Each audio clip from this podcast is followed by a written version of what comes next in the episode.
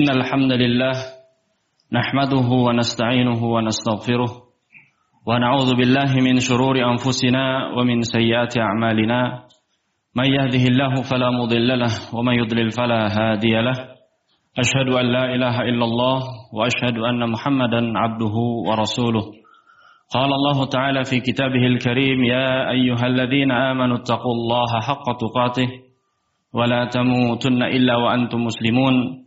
يا أيها الناس اتقوا ربكم الذي خلقكم من نفس واحدة وخلق منها زوجها وبث منهما رجالا كثيرا ونساء واتقوا الله الذي تساءلون به والأرحام إن الله كان عليكم رقيبا يا أيها الذين آمنوا اتقوا الله وقولوا قولا سديدا يصلح لكم أعمالكم ويغفر لكم ذنوبكم ومن يطع الله ورسوله فقد فاز فوزا عظيما. أما بعد فإن أصدق الحديث كتاب الله وخير الهدي هدي محمد صلى الله عليه وسلم وشر الأمور محدثاتها وكل محدثة بدعة وكل بدعة ضلالة وكل ضلالة في النار.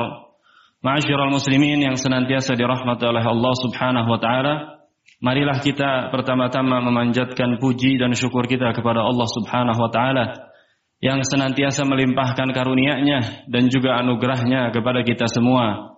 Dan tentunya juga semoga salam tercurahkan kepada nabi yang sangat kita cintai yaitu Nabi Muhammad sallallahu alaihi wasallam beserta keluarganya, para sahabatnya dan juga para pengikutnya yang setia mengikuti Rasulullah sallallahu alaihi wasallam.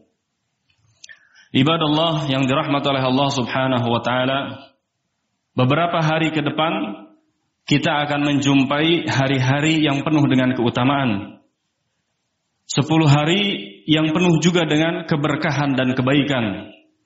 Dan hari-hari yang termasuk yang dimuliakan dan diagungkan oleh Allah Subhanahu wa taala dan juga rasulnya. Allah menjadikannya mulia dan melebihkan hari-hari tersebut para hadirin dibandingkan hari-hari lainnya.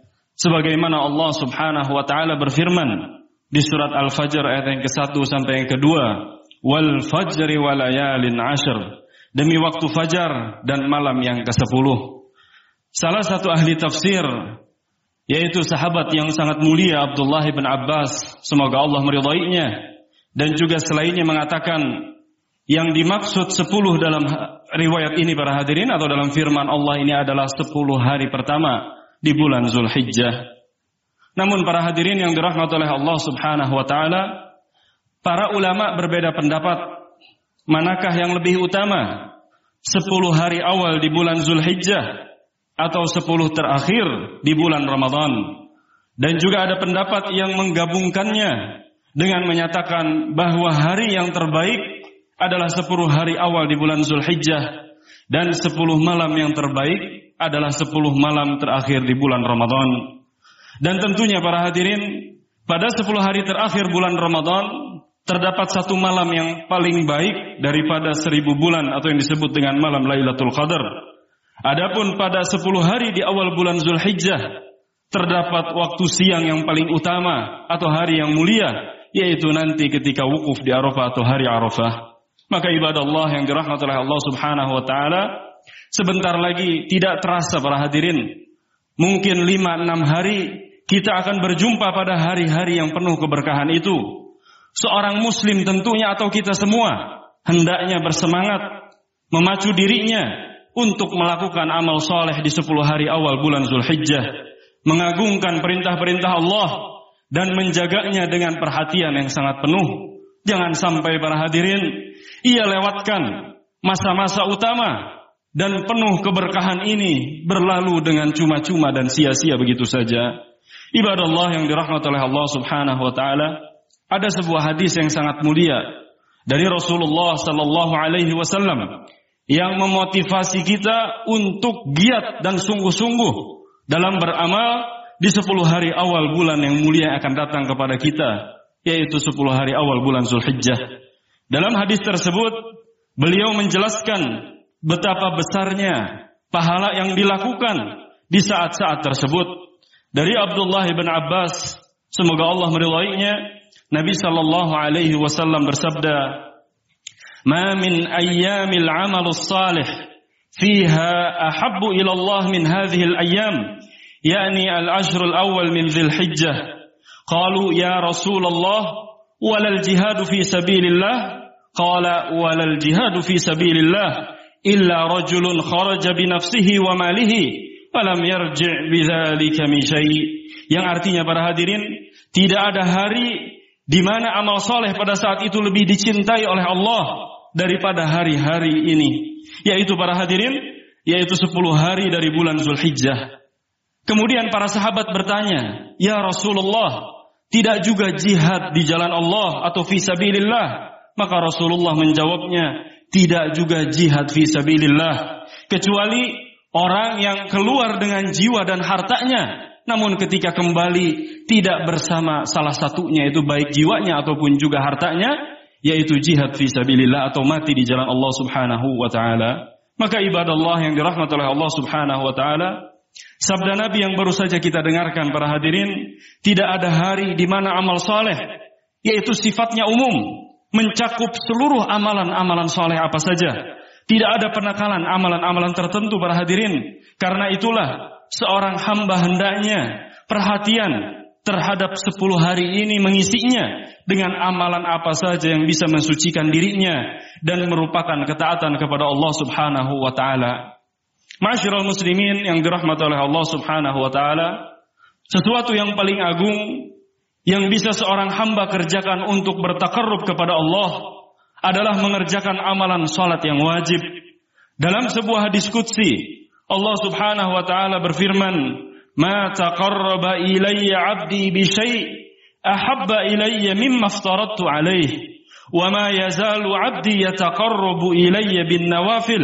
hatta uhibbah fa idza ahbabtuhu kuntu sam'ahu alladhi yasma'u bihi wa basarahu alladhi yubsiru bihi wa yadahu alladhi yabtushu biha wa rijlahu allati yamshi biha wa in sa'alani la'u'tiyannah wa la in ista'adhani la'u'idhannah. Yang artinya para hadirin tidaklah hambaku mendekatkan diri kepadaku dengan suatu amalan soleh yang aku lebih cintai dari amal-amal yang aku wajibkan kepadanya yaitu di dalam Islam dan senantiasa hambaku mendekatkan diri kepadaku dengan amalan-amalan tambahan yang dianjurkan dalam Islam sehingga aku pun mencintainya. Lalu jika aku telah mencintai seorang hambaku, maka aku akan selalu membimbingnya dalam pendengarannya, membimbingnya dalam penglihatannya, menuntunnya dalam perbuatan tangannya, dan meluruskannya dalam langkah kakinya. Dan jika dia memohon kepada aku, yaitu kepada Allah, maka aku akan penuhi permohonannya. Dan jika dia meminta perlindungan, maka aku akan memberi perlindungan kepadanya. Hadis riwayat Bukhari. Kemudian para hadirin yang dirahmati oleh Allah Subhanahu wa taala, di antara keistimewaan lain atau pada 10 hari para hadirin pertama di bulan Zulhijjah terkumpul padanya segala macam bentuk ibadah yang tidak ada pada hari-hari lainnya. Pada hari itu ada amalan salat, kemudian zakat, berpuasa dan juga haji ke Baitullah Al-Haram maka tidak mungkin ibadah-ibadah inti ini bisa kita temukan di selain pada hari 10 pertama di bulan Zulhijjah. Ibadah Allah yang dirahmati oleh Allah Subhanahu wa taala termasuk juga amalan utama untuk mengisi 10 hari ini para hadirin adalah agar Allah melihatnya senantiasa dalam kebaikan, bersegera dan bersemangat datang ke masjid, menjawab panggilan azan, datang lebih awal dan membuat lengkap menderap dengan tenang dan lebih menyiapkan hati dengan khusyuk. Juga bisa diisi dengan membaca ayat-ayat Al-Quran dan memperbanyaknya dengan istighfar. Kemudian tentunya sebelum mengerjakan sholat fardu para hadirin, masih memiliki waktu untuk mengerjakan sholat fardu masih memiliki tentunya untuk sholat sunnah, doa, dan waktu-waktu lainnya. Dan tentunya di 10 hari pertama bulan Zulhijjah, kita juga memperbanyak tahlil, takbir, dan juga tahmid berkaitan amalan yang disunnahkan dan didawamkan pada 10 hari awal bulan Zulhijjah. Karena Nabi yang sangat kita cintai mencontohkan di 10 hari mulia ini para hadirin dengan sabdanya fa'akthiru fihinna minat tahlil wat takbir wat tahmid maka perbanyaklah ucapan tahlil yaitu la ilaha illallah, takbir Allahu akbar dan juga tahmid yaitu alhamdulillah di hari-hari tersebut. Hadis riwayat Ahmad. Ibadallah yang dirahmati oleh Allah Subhanahu wa taala, amalan-amalan lainnya para hadirin yang disunnahkan untuk mengasihi hari-hari yang mulia ini pula dijelaskan oleh hadis dari Abu Umamah. Semoga Allah meridainya. Qultu ya Rasulullah akhbirni bi'amalin yudkhiluni al-jannah. Qal alaika bis-shaum fa innahu la mithla lah. Yang artinya para hadirin, aku bertanya kepada Rasulullah, "Wahai Rasulullah, ajarkan kepadaku suatu amalan yang bisa mengantarkan aku, mengantarkan aku atau masukkan aku ke dalam surga." Kemudian Rasulullah menjawabnya, "Hendaknya engkau memperbanyak saum yaitu puasa, karena tidak ada yang semisal dengannya." Para hadirin yang dirahmati oleh Allah Subhanahu wa taala, puasa ibadah yang mulia yang kita ketahui para hadirin adalah tameng yang mampu melindungi seorang hamba dari azab Allah. Dan puasa juga mampu melindungi seseorang atau pelakunya dari melakukan perbuatan maksiat dan juga dosa. Sebagaimana yang Rasulullah katakan as-saumu junnah. Puasa itu adalah perisai bagi yang melakukannya. Ibadah Allah yang dirahmati oleh Allah Subhanahu wa taala. Islam juga mensyariatkan kepada seorang muslim atau kepada kita semua untuk memperbanyak kebaikan-kebaikan yang lain. Di antaranya menyambung silaturahim, berbakti kepada kedua orang tua, dan juga amalan-amalan lainnya yang bisa diamalkan di hari-hari yang utama ini. Seorang muslim juga para hadirin pada bulan yang mulia atau pada hari-hari yang mulia ini di bulan Zulhijjah bisa melakukan ibadah yang disyariatkan oleh Allah Subhanahu wa taala yaitu berkurban di hari yang disunnahkan untuk melakukan ibadah kurban. Seperti pada hari ke-10-nya mengerjakan ibadah tersebut sebagai bentuk takarrub kepada Allah Subhanahu wa taala dan mengharap pahala yang ada di sisinya dan termasuk syiar untuk agama yang mulia ini yaitu agama Islam.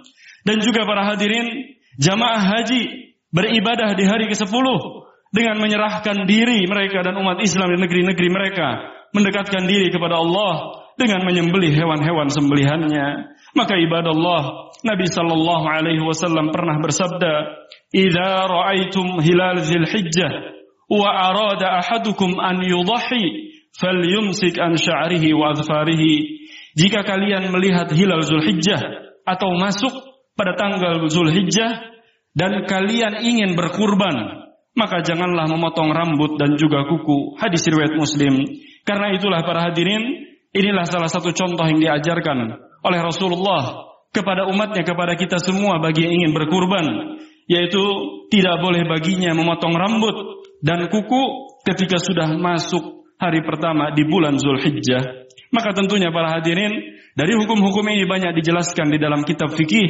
Di antaranya bagi yang hendak berkurban saja. Adapun istri dan anak-anaknya para hadirin atau orang-orang yang ia tanggung dan dimasukkan ke dalam kurban, maka tidak terkena kewajiban demikian, yaitu dilarang memotong rambut dan juga kuku. Maka para ulama mengatakan para hadirin tentang hikmah dari syariat ini bagi kaum muslimin yang juga berhaji maupun yang tidak tetap dalam keadaan senantiasa mengagungkan syiar-syiar Allah yang direfleksikan melalui ketaatan kepada Allah Subhanahu wa taala sambil berharap yang ada pada sisinya dan takut akan azabnya sebagaimana Allah Subhanahu wa taala berfirman di dalam surat Al-Hajj ayat yang ke-32 dzalika wa may yu'azzim sya'airallah fa innaha min taqwal qulub. Demikianlah perintah Allah. Dan barang siapa yang mengagungkan syiar-syiar Allah maka sesungguhnya ia timbul dari ketakwaan hati. Itulah para hadirin, amalan-amalan yang harus kita jaga, kita lestarikan dan kita agungkan di 10 hari bulan Zulhijjah yang sebentar lagi akan kita datangi insyaallah. Barakallahu li wa lakum fil Qur'anil Karim wa nafa'ani wa iyyakum bima fihi minal ayati wa dzikril hakim. وأستغفر الله لي ولكم ولسائر المسلمين من كل ذنب فاستغفروه يغفر لكم. إنه هو الغفور الرحيم.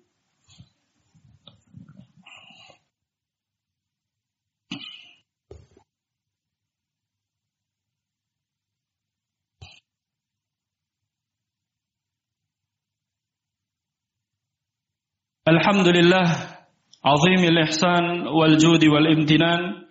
واشهد ان لا اله الا الله وحده لا شريك له تعظيما لشانه واشهد ان محمدا عبده ورسوله اما بعد Masyarul muslimin yang senantiasa dirahmati oleh Allah Subhanahu wa taala. Ketahuilah para hadirin, ada satu amalan yang sangat agung di bulan Zulhijjah ini, yaitu adalah ibadah haji, salah satu dari kewajiban dan rukun di dalam agama Islam.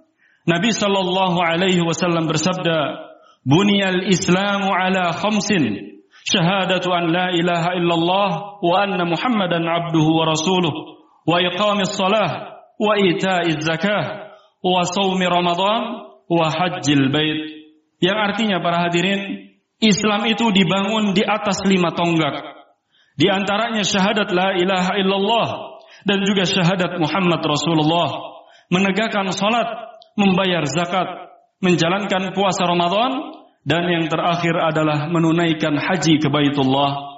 Haji hukumnya wajib para hadirin yang dirahmati oleh Allah Subhanahu wa taala bagi setiap muslim dan juga muslimah seumur hidup yaitu satu kali. Bagi mereka yang mengerjakannya lebih dari sekali para hadirin, maka tentu itu adalah sunnah. Nabi sallallahu alaihi wasallam bersabda, Al-hajju marratun fama zada fahuwa tatawwu.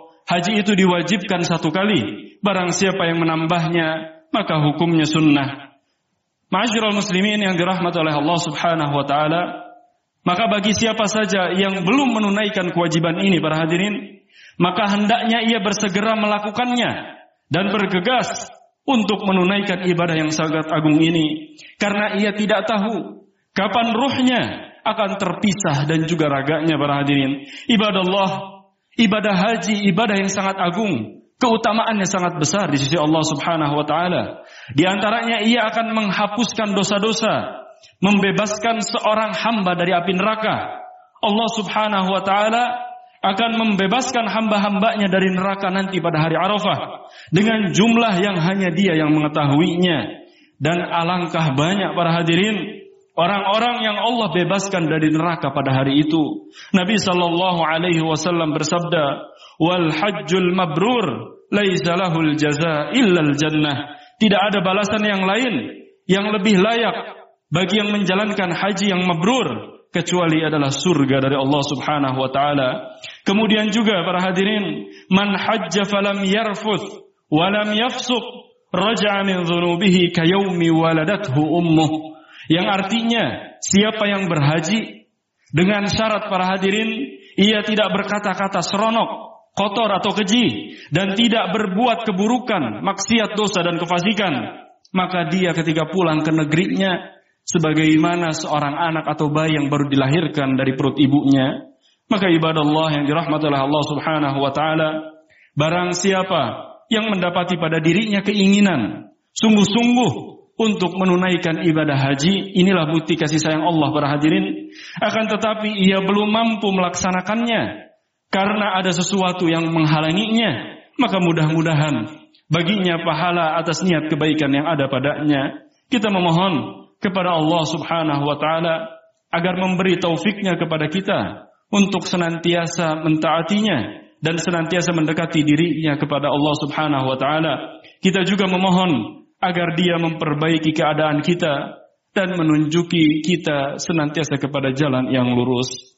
Allahumma salli ala Muhammad wa ala ali Muhammad kama sallaita ala Ibrahim wa ala ali Ibrahim innaka Hamidum Majid. Wa barik ala Muhammad wa ala ali Muhammad kama barakta ala Ibrahim wa ala ali Ibrahim innaka Hamidum Majid. Allahumma ighfir lil muslimin wal muslimat والمؤمنين والمؤمنات الأحياء منهم والأموات إنك سميع قريب مجيب دعوات. اللهم إنا نسألك الهدى والتقى والعفاف والغنى. اللهم إنا نسألك علما نافعا ورزقا طيبا وعملا متقبلا. ويا مقلب القلوب ثبت قلوبنا على دينك. ويا مصرف القلوب صرف قلوبنا على طاعتك.